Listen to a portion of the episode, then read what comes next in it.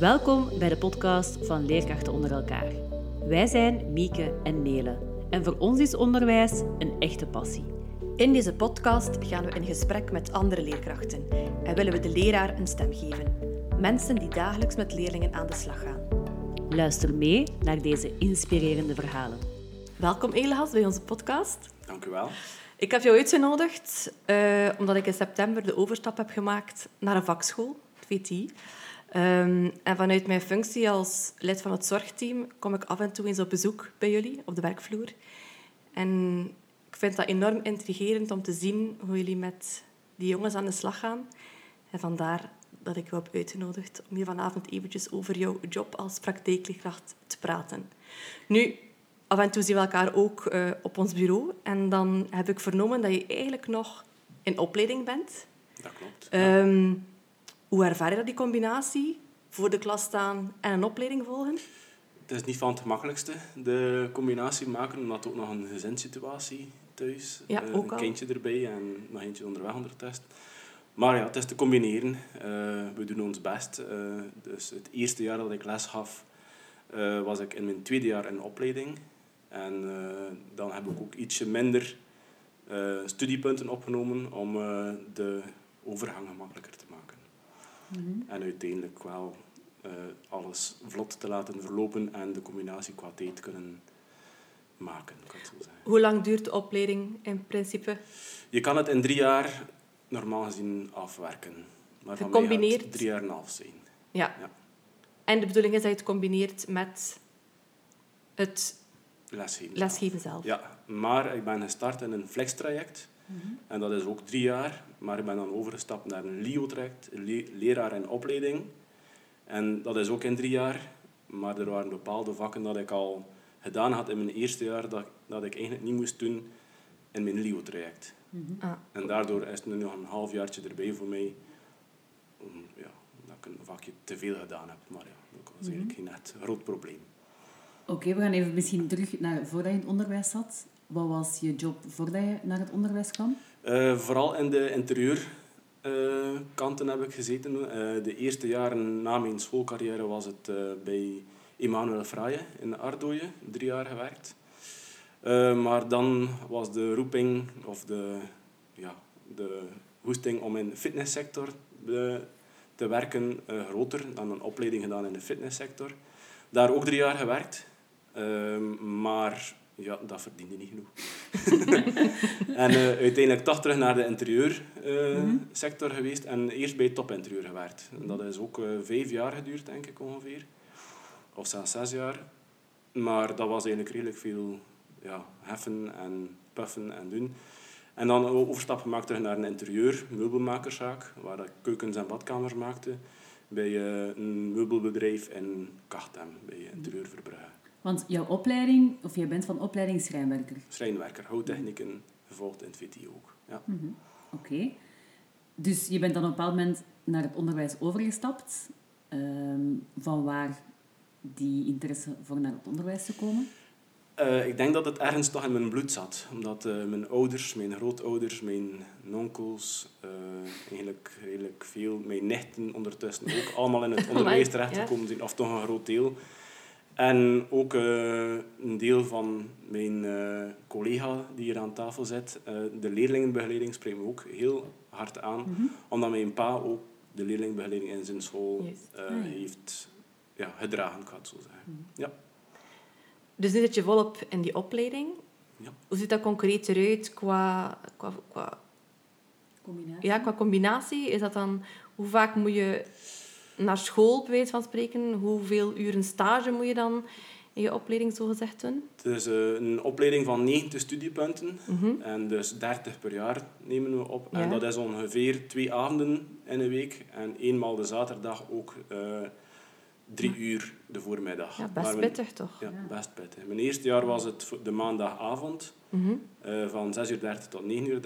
En de zaterdag van 9 uur tot 12 en van 1 tot 4. Eigenlijk heel de zaterdag. Wow. Ja. ja. En dan ga je waarschijnlijk alles toepassen hè, in je lespakket die je kreeg in het VTI. Ja. Hoe word je dan beoordeeld? Heb je dan ook echt mensen die op bezoek komen vanuit de LIO? Of, Eh, de of is dat eerste- vanuit collega's die informatie doorgeven? De eerste jaren heb ik, of het eerste jaar heb ik vooral theorielessen gevolgd. Dat ik eigenlijk geen stage moest doen, omdat het ook de coronajaren waren. Mhm. En als je dan de stage wil doen, heb je de kans dat de les niet doorgaat, omdat het net corona is. Juist. Ehm, maar ehm, dan de tweede jaren is er eh, nog altijd geen stage bijgekomen. Het is maar in mijn derde jaar, dus eigenlijk dit jaar dat ik stage begin doen ben. En word je daarin dan begeleid? Eh, er komt iemand van de opleiding kijken naar mij. De vier lesbezoeken heb ik gekregen al. Mhm. En er wordt ook nog twee lesbezoeken geweest van, of er zijn ook nog twee lesbezoeken geweest van een vakdidacticus. Die ook nog speciaal eigenlijk in het vak zit, dus in hout of in techniek. Ah ja, zo. Ja, die ja, komt ja. kijken ook nog specifieke- specifieke Mhm. begeleider er ook nog in. Dus er is wel controle. En er is begeleiding naar de opdrachten die je maakt, Ja, eh, dan via computer of via internet. Of Oké. ook heel veel. Ehm, welke vakken krijg je dan zo in de opleiding? Want ik vermoed dat zij ervan uitgaan dat jij vakexpert bent al. Dus welke vakken worden dan in de opleiding voor jullie voorzien? Eh, een van de vakken waar ik mee gestart was, was eh, Nederlands.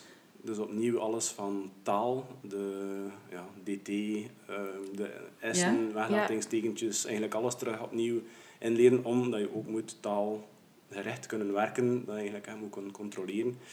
Ehm, en ook nog vak, eh, didactiek en ehm, pedagogiek was het. Ja, dat was ook een van mijn eh, belangrijkste vakken.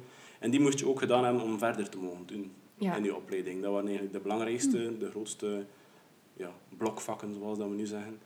Eh, waar, en dan pas mocht je verder eh, aan je opleiding. Welke vakken hebben we nog gehad? Verhoogde zorg. Dat is dan eigenlijk al de labeltjes van dat leerlingen kunnen hebben. Ehm, een keer allemaal ja, bekeken en bespreken en welke zorg dat ze nodig hebben. Ehm, een keer allemaal ja, opnieuw opzoeken en een groepswerk rondmaken. We hebben ook nog EHBO gehad en veiligheid. Dat is dan alles van blessures, dat je eigenlijk echt ook moet. ehm, Is dat dan specifiek gericht omwille van het feit dat je in de richting houdt? Is dat gewoon echt iedereen die die Iedereen. cursus volgt? ja, dus ook eh, ja. hartmassage moet je ook allemaal kunnen. Eigenlijk echt de eerste hulp bij Ja. ongevallen. Ik kan me niet herinneren dat wij dat gekregen Nee, ik heb dat ook nooit gekregen in mijn Ze opleiding. hebben dat gewoon vergeten. Ik heb dat nooit gehad, daar ben ik nu van bijna Ja? van overtuigd. Ja. Ja. Ja. Kijk. Het is een zeer interessante Ja, opleiding. dat en ik denk wel dat er ergens tweejaarlijks normaal gezien opleidingen ook voorzien worden voor eh, zorgpersoneel. Ja, ik heb hem nu gevolgd vanuit, inderdaad, vanuit de schoolgemeenschap. Ja. Ben ik verplicht geweest om hem te volgen, Ja, ja, omdat ik ja. lid ben van het zorgteam. Maar ik kan wel niet herinneren dat ik in mijn lerarenopleiding zelf daar ooit iets over gezien heb. Ja, Maar dat ik vind wel standaard. Maar ik vind het wel Ja, het is zeer zeker- goed, inderdaad. Ja, zeker. Eh, je studeert nu eigenlijk normaal af hè, binnen een maand of twee. Eh, ja, dit jaar. Ja. Dat is de bedoeling. Dat is de bedoeling. ja. Zijn er vakken of zijn er dingen die je nu ervaart op de werkvloer waarvan je zegt, dat mis ik nog in de opleiding of daar had ik graag nog wel meer over geleerd tijdens mijn opleiding? Of heb je eigenlijk wel het gevoel dat de opleiding mooi dekt wat dat jij nodig hebt? Ik denk voorlopig dat alles wel gedekt wordt eh, van de opleiding uit.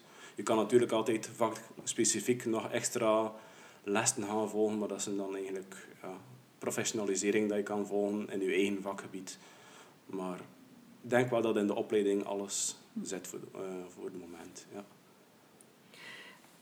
Als je daar zit in de avondlessen of de zaterdag kan je een beeld zetten welke mensen zitten daar allemaal. Dat zijn waarschijnlijk niet allemaal leerkrachten hout die daar samen zitten. Dat is waarschijnlijk heel veel verschillende profielen. Kan je even schetsen hoe dat jouw groep eruit ziet? Eh, Mijn groep is al verschillende keren veranderd, omdat het nooit...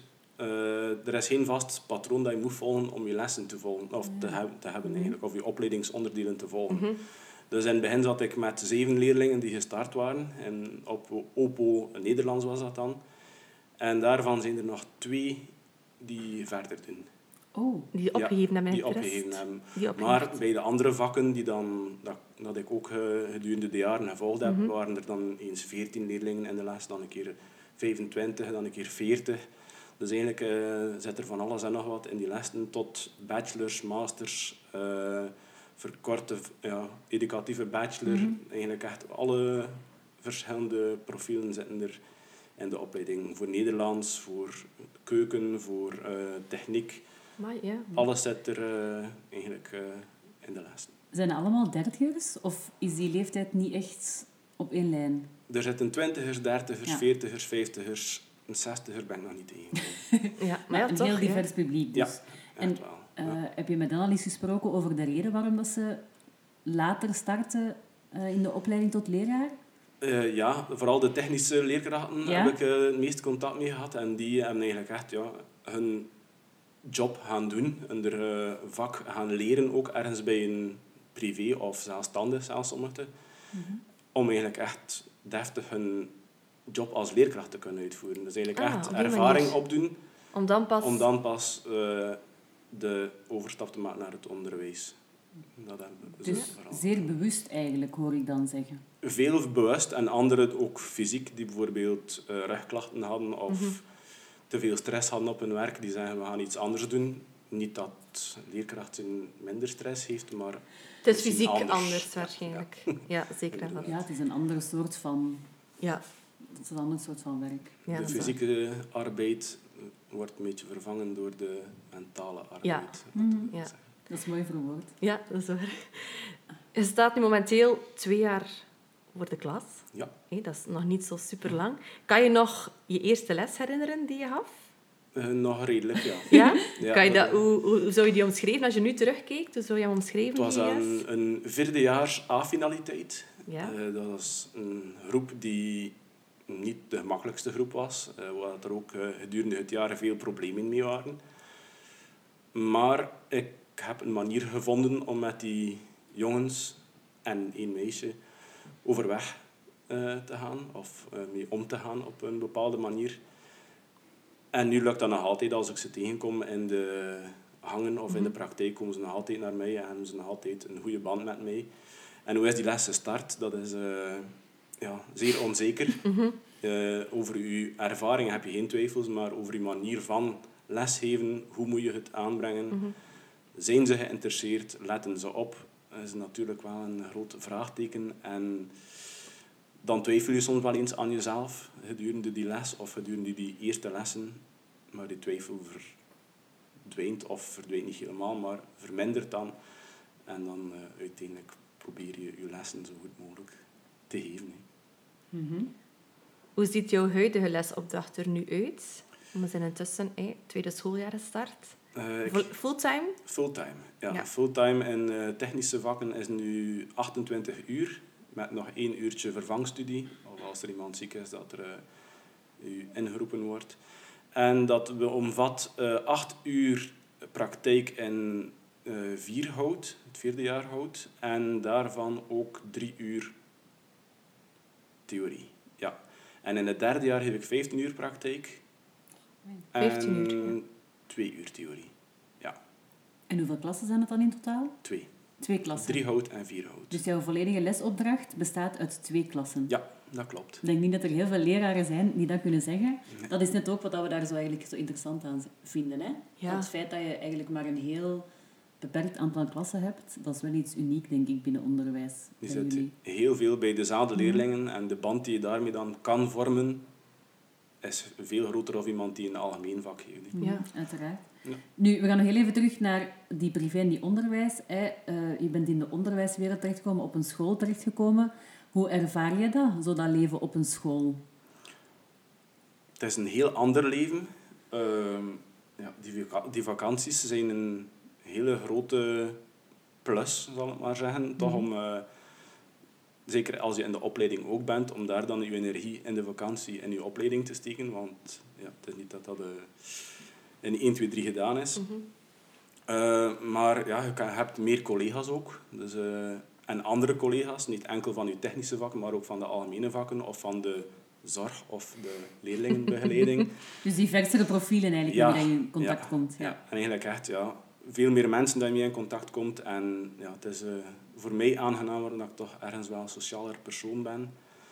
En als je in de privé zit en je hebt natuurlijk ook contact met de klanten, maar dat is één klant voor een bepaald aantal weken of dagen dat je je werk eraan aan bent. En anders zit je in de atelier tussen de vier muren. Is dat wel heel iets anders dan tussen al de leerlingen, al de collega's uh, in een VT of in een bepaalde school. Mm Zijn er dingen die je mist vanuit het leven voor het onderwijs? Mm, nog niet direct, want voorlopig is de variatie en de... Ja, alles is eigenlijk zoals dat ik het voorlopig wil, ik zal het zo zeggen. Ja. Dus uh, voorlopig mis ik niet direct iets. Misschien nog één iets is de vrijheid om een keer op de weg te gaan ja. met een vrachtwagen of met een camionet de wereld inrijden. Ja. om een keer even alles te vergeten. Mhm. Maar ja, ik woon op 25 minuten van mijn werk. Dus ik uh, woon in Isegem en ben werk in Tielt. Dus dat is 20, 25 minuutjes rijden tegen dat je thuis bent. Ben je ook meer op je gemak. Of mhm. heb je al veel dingen kunnen plaatsen. Dus uh, voorlopig mis ik niet echt iets. Nee. Nu, de ervaring die je hebt opgedaan in de privé, dat zal volgens mij zeker een pluspunt zijn. Um, ervaar je ook zo? Want wij zien dat waarschijnlijk als een pluspunt, maar is dat ook echt zo? Voel je dat echt wel aan als... Ja, dat is zeker een, meerwaarde. Het is nu tien jaar dat ik kon meenemen mm voor nuttige ervaring. En uh, dat is tien jaar dat je eigenlijk echt in het interieur gezeten hebt. Dat je eigenlijk van alles gezien hebt qua scharnieren, qua verbindingssystemen, qua verlichting, elektriciteit, sanitair. Je hebt zodanig veel gezien dat je eigenlijk heel veel kan meegeven met je leerling, wat je nooit in bijna vier jaar kan meegeven. Dat er zodanig veel mhm. is. Maar het is ook een richting, uh, in één bepaalde richting van mezelf. Nu is het voorlopig interieur, mhm. maar in mijn richting is er ook nog ja, de buiten, ja. buitenschrijnwerk. Dus daar is dan mijn ervaring ietsje minder. Maar dan heb je wel het geluk dat je in een schoolteam terechtkomt of in een vakgroep dat elk zijn specialiteit heeft. En vullen we elkaar zoveel mogelijk aan. Maar zeker, ja, elk heeft zijn inbreng. Is het niet via zijn kennis van zijn vak, is het via zijn persoonlijkheid dat hij eventueel mhm, ook mhm. nog iets kan bijbrengen in de groep. Dus uh, we merken dat wel. Vertel je daar dan vaak over aan je leerlingen, over hoe dat in de privé was? Of als je een les begint, dat je terugkoppelt naar hoe dat het was voor jou een aantal jaar geleden? Vandaag heb ik dat nog uh, gedaan. Eigenlijk echt teruggekoppeld naar mijn werk, uh, naar mijn ervaring. Mhm. Heb ik inderdaad nog teruggekoppeld. In het begin deed ik dat minder, omdat ik meer in mijn eerste jaar lesgeven, omdat ik echt met mijn lesinhoud bezig was en minder kon denken aan vroeger. Ah, ja, zo. Dat nog, ja, als je nog je eigen weg aan het zoeken in het lesgeven. Maar ik denk wel dat dat meer en meer gaat komen. En misschien ook als ik in een bepaalde richting of in een ander jaar ga staan, dat mijn interieurervaring nog meer tot zijn recht gaat komen. Dat nog meer die ervaring ga kunnen delen. Hmm. Welke vragen stellen leerlingen dan zo aan jou daarover? Uh, ja, vooral hoe heb je dat in je vroegere ervaring meegemaakt? Uh, hoe maakte je dat op die manier of met welke materialen heb je allemaal gewerkt? Uh, welke collega's had je? Vragen ze soms ook. Uh, wat vragen ze nog allemaal? Hoe komt het dat je dat allemaal weet? Dat is een vraag die veel... Hoe komt het dat je dat al kan? Hoe komt het dat je die berekening uit je hoofd kan? Mhm. Dat zijn allemaal vragen dat de leerlingen soms echt niet, niet snappen. Ik, ik hoor dan wel zo'n bepaalde, bepaalde bewondering van leerlingen voor jou. Van sommige leerlingen is er... Uh, denk ik toch, uh, bewondering. Oftewel maken ze mij iets wees, maar denk nee, niet. dat is oprechte bewondering, ben ik ja, zeker en, van. En, en ik denk dat dat ook net is wat dat zo'n groot voordeel is van een praktijkleraar. Dat zij ergens die expertise heel erg zien uh, op de werkvloer. Omdat je die waarschijnlijk een stuk meer kan tonen dan wij, denk ik, als leerkracht algemene vakken. En dat zorgt er waarschijnlijk inderdaad ook wel voor dat er een, ja, sneller, denk ik, een soort van goede connectie is. Zeker, ja, zeker een, zeer goede connectie. En ik heb het geluk dat ik zowel in het derde jaar als in het vierde jaar terecht kom. En de leerlingen van het derde jaar zitten nu in het vierde jaar. Mhm. En je hebt eigenlijk twee jaar dat je met dezelfde leerlingen een bepaalde band kan mhm. opbouwen. En dat zorgt voor een, een leuke samenwerking. En als we elkaar tegenkomen buiten school of uh, in school zelf tijdens de pauzes, is dat ook uh, niet met allemaal natuurlijk, maar wel met uh, veel leerlingen dat je een zeer goede band kan opbouwen. Mhm. Ja. Denk je dat dat anders is dan met leerkrachten die een algemeen vak geven? Als je het zo hoort, bijvoorbeeld in de leraarskamer en er wordt over leerlingen gesproken, heb je gevoel dat dat wel anders is? Er zijn bepaalde leerkrachten die met, van de algemene vakken die ook een zeer goede band opbouwen met bepaalde leerlingen. Ook omdat ze open persoonlijkheid zijn, denk ik dan. Mhm. en, ehm, maar misschien wel anders met praktijk. Want omdat je er echt 16 of 15, 16 uur bij staat. Ja, dat is, intens, ja, dat is inderdaad wel een Heel veel, heel ja. veel Ja. uren zijn. Ik denk toch dat het anders is, omdat je, ze u meer zien, ze vertrouwen u ook meer, normaal gezien. Eh, maar je moet nog altijd je best doen, niet alleen in je lesgeven, maar ook na school of na de lessen, om je contact met de leerling goed te onderhouden. Eh, merk je dan soms bijvoorbeeld op een klasraad dat jouw visie over een bepaalde leerling helemaal anders is dan de andere collega's? Eh, zeer veel, want eh, in de praktijk, ze kiezen dan voor dat vak. Mhm, uiteraard, ja. En ze doen daar ook hun best. Sommige leerlingen die het lastigst zijn in de algemene vakken, zijn de harde werkers in de praktijkvakken. En daar heb je Ja. totaal geen probleem mee of minder problemen mee. Dat Ja. klopt zeker. Ja. Ja, ik merk dat ook wel. In de klasraden, nu, ik kom enkel in de eerste graad, maar ik, ook heel, ik hoor ook heel vaak de leerkrachten stem hebben soms inderdaad een ander beeld van een leerling dan bijvoorbeeld iemand die geschiedenis of wiskunde heeft. Omdat ze natuurlijk, zeker in de A-finaliteit, graag met hun handen werken. En daar kunnen ze hun, hun ei kwijt, hun stem. Ze zijn daar aan het werk. En dat vinden ze net tof natuurlijk, Ja. onze gasten, heb ik het gevoel. Zeker weten, klopt helemaal. Ja? Ja. Kan je een keer vertellen hoe dat een les eruit ziet? Ik, vind dat, ik kom daar binnen bij jullie. Iedereen is ergens anders bezig. Ik zie jou daar rondlopen. hé. Hoe, hoe organiseer je? Hoe, hoe gaat dat in zijn werk, zo'n les? Hoe, hoe breid je dat voor? Hoe, hoe plan je dat? Ik vind dat ongelooflijk... Totaal niet hoe Nee. wij het zouden doen waarschijnlijk. Ja, Dus we zijn wel ja. benieuwd hoe dat je bijvoorbeeld vandaag... Hoe heb je lesgegeven vandaag? Hoe zag jouw voormiddag eruit? Eh, vandaag starten de leerlingen met een nieuw project. Eh, dat is een rekje dat ze moeten maken.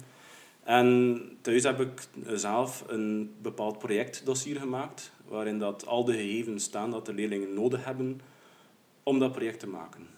En van de eerste uur, eh, in het eerste uur heb ik dat project eens overlopen en samen een bepaalde houtlijst opgemaakt, omdat die leerlingen dan kunnen beginnen met hun stukken te gaan zoeken of eh, ermee beginnen te werken. En eigenlijk kunnen ze hun dossier volledig volgen om tot een eindproduct te komen. Dus dan werken ze eigenlijk zelfstandig.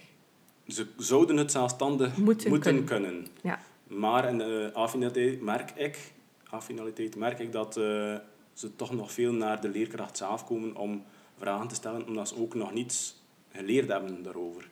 Het staat allemaal uitgeschreven, maar bepaalde termen kennen die leerlingen nog niet, of niet voldoende, of zijn ze vergeten na een bepaalde tijd. En dan ehm, komen ze terug naar de leerkracht en proberen we dat opnieuw uit te leggen met stappenplannen eh, of een projectdossier of een praktijkbundel te maken dat ze eigenlijk echt zelfstandiger kunnen werken of zoveel mogelijk alleen kunnen werken. Of in duo of in per drie.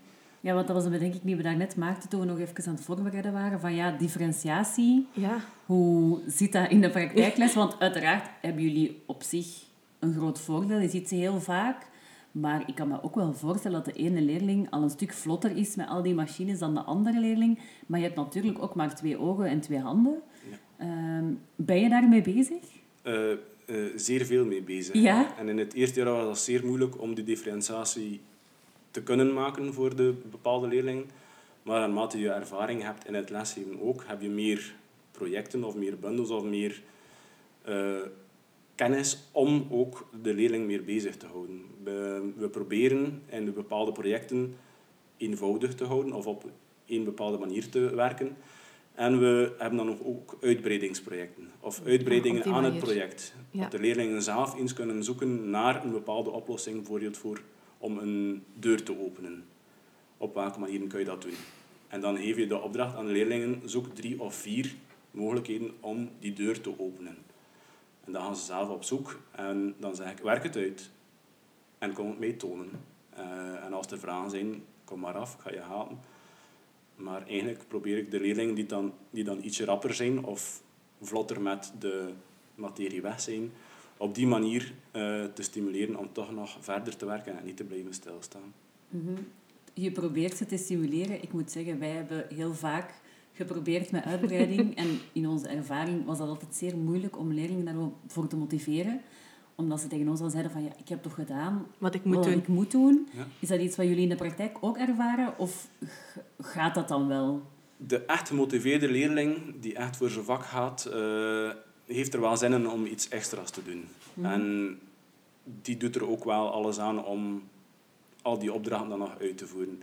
Maar er zijn niet altijd leerlingen in gelijk welk vak die zeggen, toch? ik heb gedaan wat ik moet doen, ik heb zoveel procent, ik ben daar tevreden mee en ik laat het zo en ik doe niets meer of ik eh, hou het erbij met wat ik gedaan heb.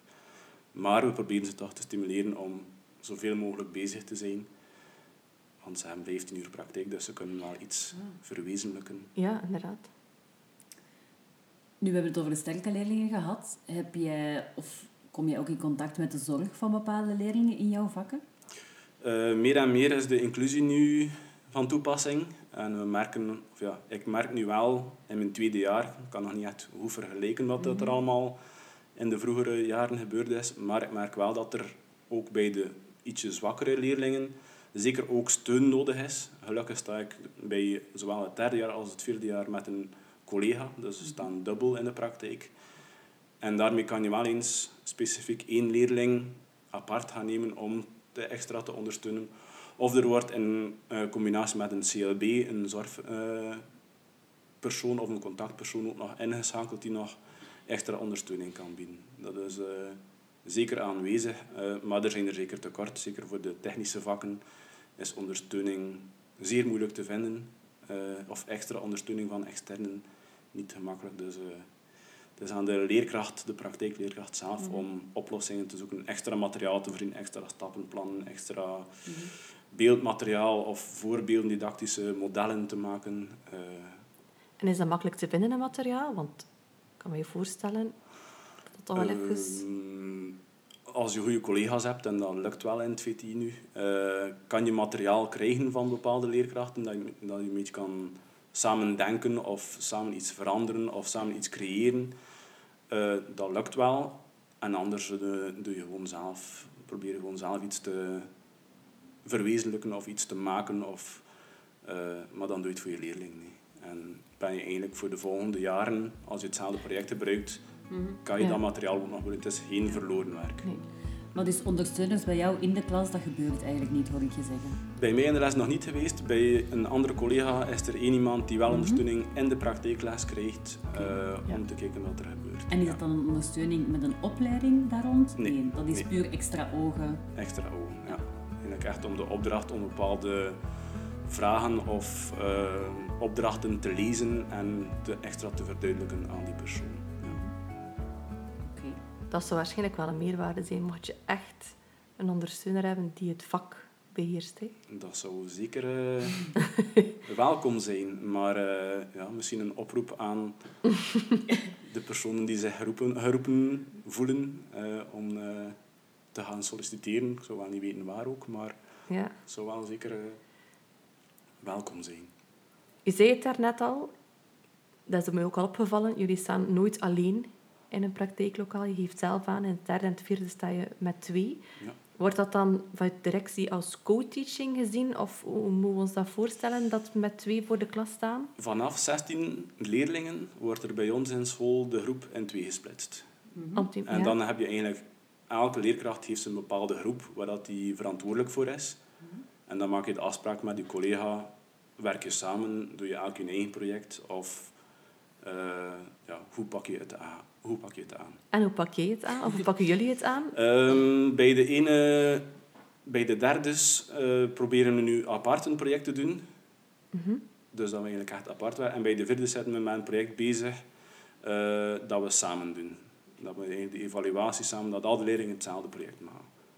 Ja. En bij de derde is het elk apart nu. Maar we hebben dat met de derdes ook al samen een project gedaan. En dat kan ook perfect, als, dat, eh, als je dat wil. Dus ja, dat is een keuze dat je maakt. En wat verkies jij zelf?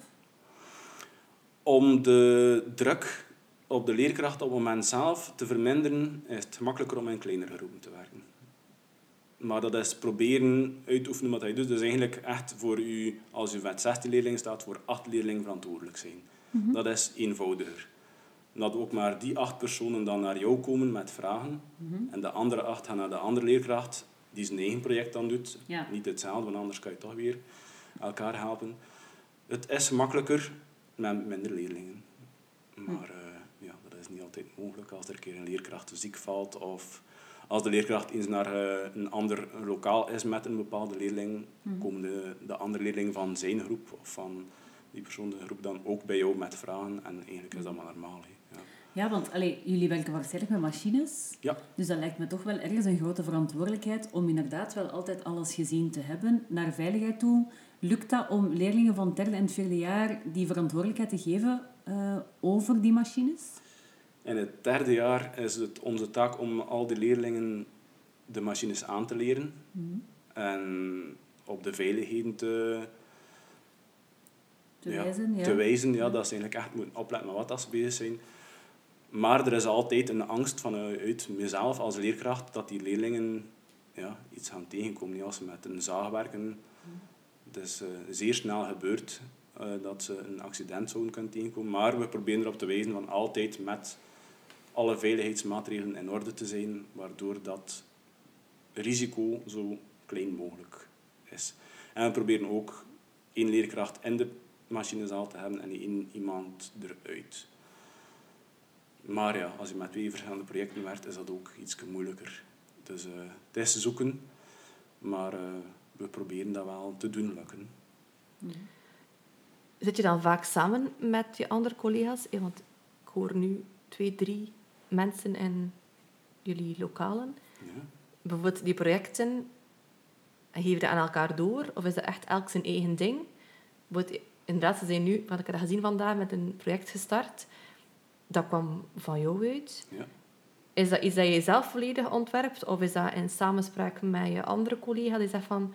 Ah ja, tof idee. Eh, ik ga dan, het volgende project zal ik dat dan ook Eh, maken? Het projectje dat ik nu gestart ben, eh, was eentje dat ik inderdaad zelf gemaakt heb. Van niets begonnen. Omdat ik ook eens zelf een nieuw project wou starten, als mijn tweede jaar als, le- als leerkracht. En ik heb dat wel voorgelegd aan mijn collega's, mijn directe collega's die ook in het derde jaar komen, maar ook aan de TA, de, te- de technische adviseur. Eh, en die vond dat zeker oké. En ook conform naar de leerplannen en extra tips gegeven wat, wat ik er eventueel nog extra zou kunnen bijsteken of weg kan laten. Of, eh, ja, dus eigenlijk is dat wel in samenspraak met andere collega's of met... eh, En delen jullie elkaars projecten dan uit onder elkaar? Of gebeurt dat? Eh, ja, toch wel. Ja. Ja. Voor mij mogen andere leerkrachten zeker mijn project ook gebruiken of aanpassen, verbeteren, eh, andere afmetingen. Ja. Eh, maar ik denk wel dat niet iedereen alles zal weggeven. Eh, maar ja, dat is een keuze van de leerkracht zelf. hè. Je zei daar juist dat je vak bestaat ook voor een stukje uit de theorie. Ja. Hoe moet ik mij dat dan voorstellen? Zo theorie hout, wat is daar de lesinhoud van? De Ehm, leerinhoud misschien beter? De leerinhoud, bijvoorbeeld een boom. Hoe ziet die boom eruit? Hoe gebeurt die sapstroom? Eh, wat zit er in een boom? Begint dat van de schors naar cambium, naar spinthout, kernhout, eigenlijk echt de boom volledig Ja? van begin tot eind ontleden. Zelfs tot de mini-celletjes die er nog in zitten, die de sapstroom ehm, verwezenlijken. Tot eh, verschillende soorten spaander, of platen, plaatmateriaal. Spaanplaat, MDF, multiplex. Tot alles qua computertekenen. Ah, dus ja, ook tekenprogramma's zit daar ook Ja. eh, een groot deel Ja. testen. Dus ze hebben al enkele uren dat ze aan hun computer spenderen. Ja. Eh, wat zit er nog allemaal in? Verbindingen, constructies, machines, ehm, alle verschillende soorten lijmen. Dus, ja. En moet je dat dan ook voorstellen dat ze effectief een toets krijgen over hoe de boom in elkaar zit? Ja, Ja. zeker. Ja, en hoe dat een machine in elkaar, waar Ja. ze moeten op letten bij het werken met die machine, dat wordt allemaal in de toetsen eh, voorzien. En in de examens dan natuurlijk ook, want ze hebben ook Om het dan Ah. te kunnen toepassen. In de praktijk. praktijk. Ja, Maar Dus ze Ja, zitten in de A-finaliteit en ze hebben toch examens. ja en ze hoe hebben zien toch die ex- examens. Echt theorie-examens? Ja. Ja. Ah, echt? Van een. TV-hout, theorievak of Ja? technisch vak hout, ja, hebben ze... En doen ze dat dan goed? Eh, over het algemeen eh, loopt dat wel Mo, ja? redelijk, ja. Eh, Ja. Nog geen gebuisde gehad, denk ik. Nee, natuurlijk al twee jaar. Dat kan, dat kan ook ja, dat is nog niet... Ah ja, oké, daar was ik me wel niet van bewust, dat die Met- dan echt zo die theorie-examens nog wel... Met de hervorming zijn die examens er teruggekomen bij ons. Ah ja, ja, want ik ging het zeggen, bij ons in de A-finaliteit, ik geef ook les in de A-finaliteit, ehm, ja, is dat helemaal niet meer aan de orde? Ik denk dat dat een keuze is van de school zelf. Ah ja, oké. Ja, dat er uh, terug examens ingeroepen zijn. Ja. En dat is niet slecht. Ehm, nu, je hebt zelf ook een opleiding gevolgd op een VTI. Ja. Vind je dat de opleiding ten opzichte van in jouw tijd ehm, nog hetzelfde is? Of heb jij je eigen opleiding anders ervaren? De grote deel loopt wel nog uh, parallel, denk ik. Maar natuurlijk door de hervormingen en de, ook de andere finaliteit zit er wel een verschil in. Maar dat loopt wel nog, uh, volgens mij, toch redelijk hetzelfde. Buiten, ja, alles is geëvolueerd. Het is al bijna twintig jaar tussen mijn periode op de schoolbanken en mijn periode als leerkracht nu. Ja. Dus er is veel meer computer gestuurd. Dus veel meer andere soorten machines, andere verbindingen. Uh, eenvoudigere manieren om te werken, moeilijkere manieren om te werken. Uh, maar uiteindelijk is het wel allemaal voor hetzelfde resultaat dat je probeert te gaan. Hm. Ja. ja, want dat was ook een van onze vragen. Hè, van in hoeverre heb jij op dit moment op school de middelen om Ja. effectief ja, de, de, de werkelijkheid te tonen? Daar wil ik dus zeggen van ja, je hebt in een interieurzaak gewerkt. Hè. Ja. Heb je op school de middelen om ze te leren wat dat je daar deed? Ja, we hebben wel al de machines Ah ja, om dat te verwezenlijken Ja. nu. Dat uh, Oké. lukt wel allemaal. Van CNC-machines tot afplakmachines tot verschillende opdeelzagen. Eigenlijk echt zit er allemaal een mooi pakket aan machines. eh, maar ja, dat staat niet stil. Dus, eh, Nee, ja. Het blijft Ja. evolueren en een school moet mee. En, ja, dus, eh, er is wel nog wat werk om uiteindelijk mee te geraken met ja, de evolutie. Ja, en dan, hoe blijven dan jullie ook mee met die evolutie? Want ja, je hebt natuurlijk in de privé gewerkt, ja, doet dat nu niet meer. Als je in het onderwijs blijft, op welke manier blijf jij dan mee met de nieuwe trends in, ja, in de privé of in, in, in de maatschappij op dat moment, rondhoudt? Ehm, ik volg op verschillende media, probeer ik ook nog extra ehm, onderdelen te volgen van verlichtingen of van verbindingen. Of van, er zijn genoeg dingen online aanwezig om dat te kunnen bijvolgen. En misschien als mijn opleiding gepasseerd is, dat ik Wat tijd vrij hebt. Ja. misschien waarschijnlijk maar ja, inderdaad een beetje tijd vrij heb om...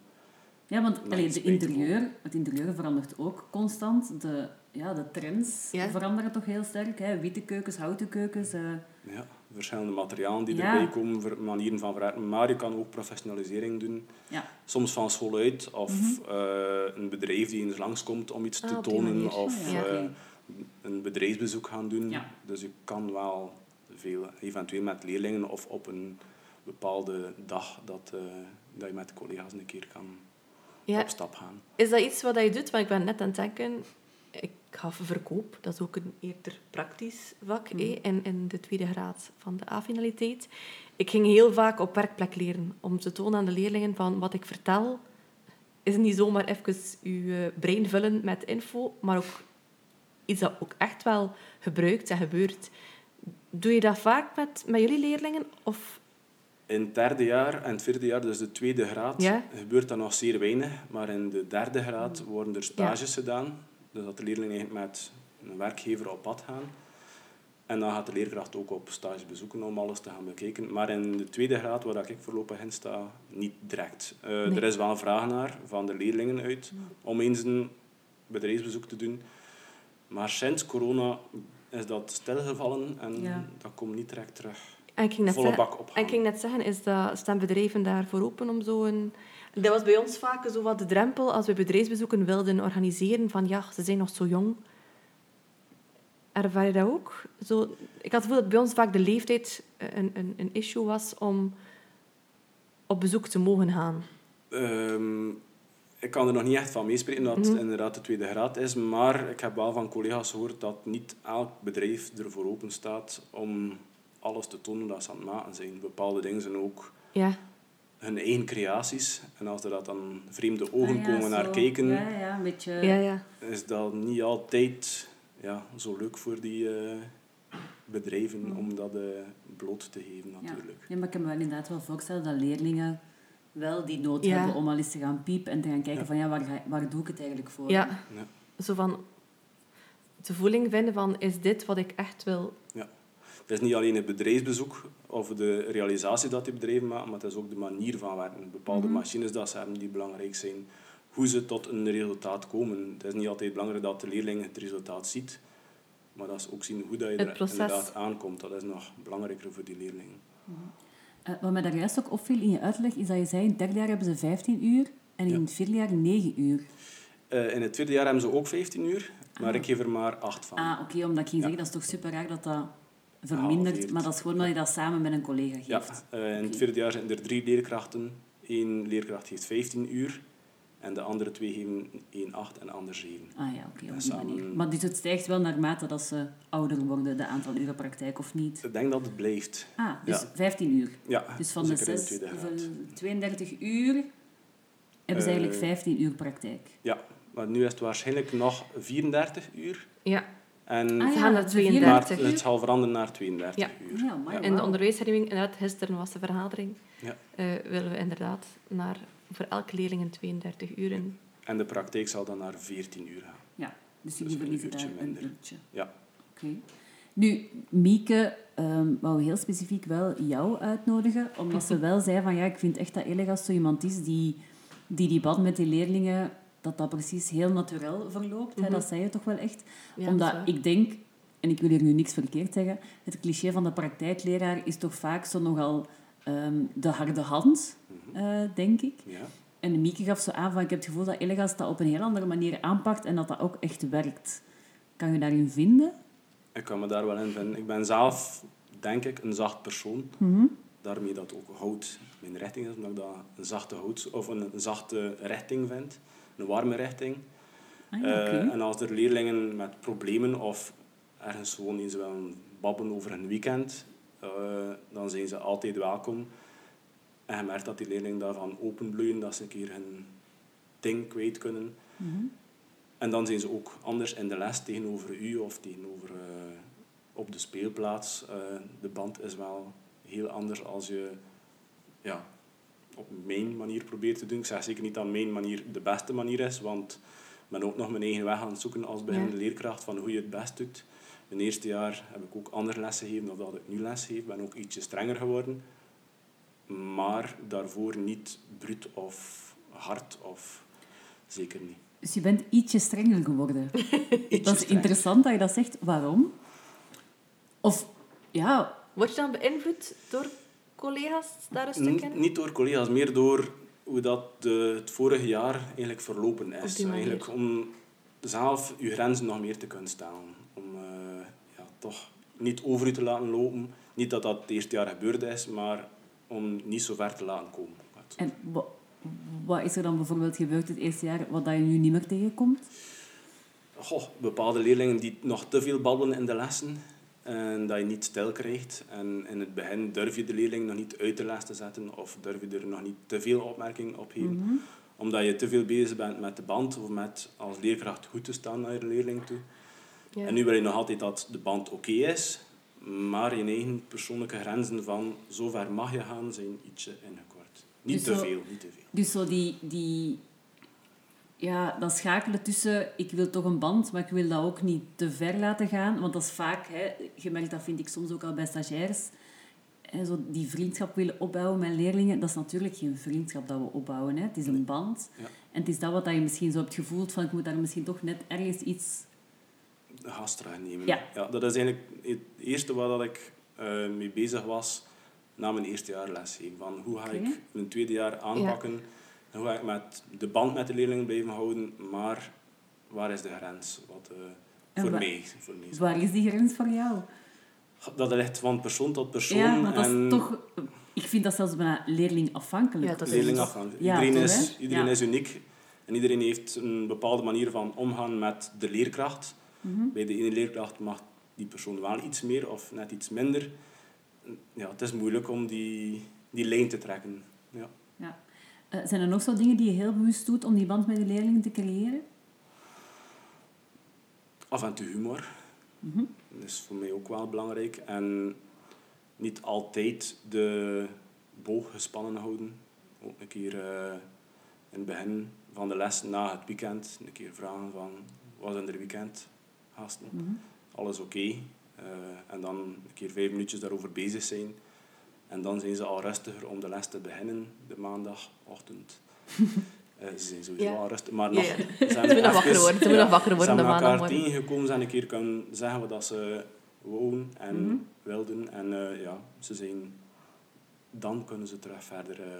De les volgen op een normale manier. Ja, want als ik me zo'n atelier voorstel, dan kan ik me bijvoorbeeld ook wel voorstellen dat de radio daarop staat. Of is dat iets wat... Oeh, ik zie jullie alle Nee. twee allemaal niet. Dat is gigantisch veel lawaai. Ik verschiet niet. altijd Ah, van het lawaai die dat daar... Niet zou horen dan. Die Ik zo- denk dat niet. In de machinezaal hou je, hoor je de muziek zeker niet. Mhm.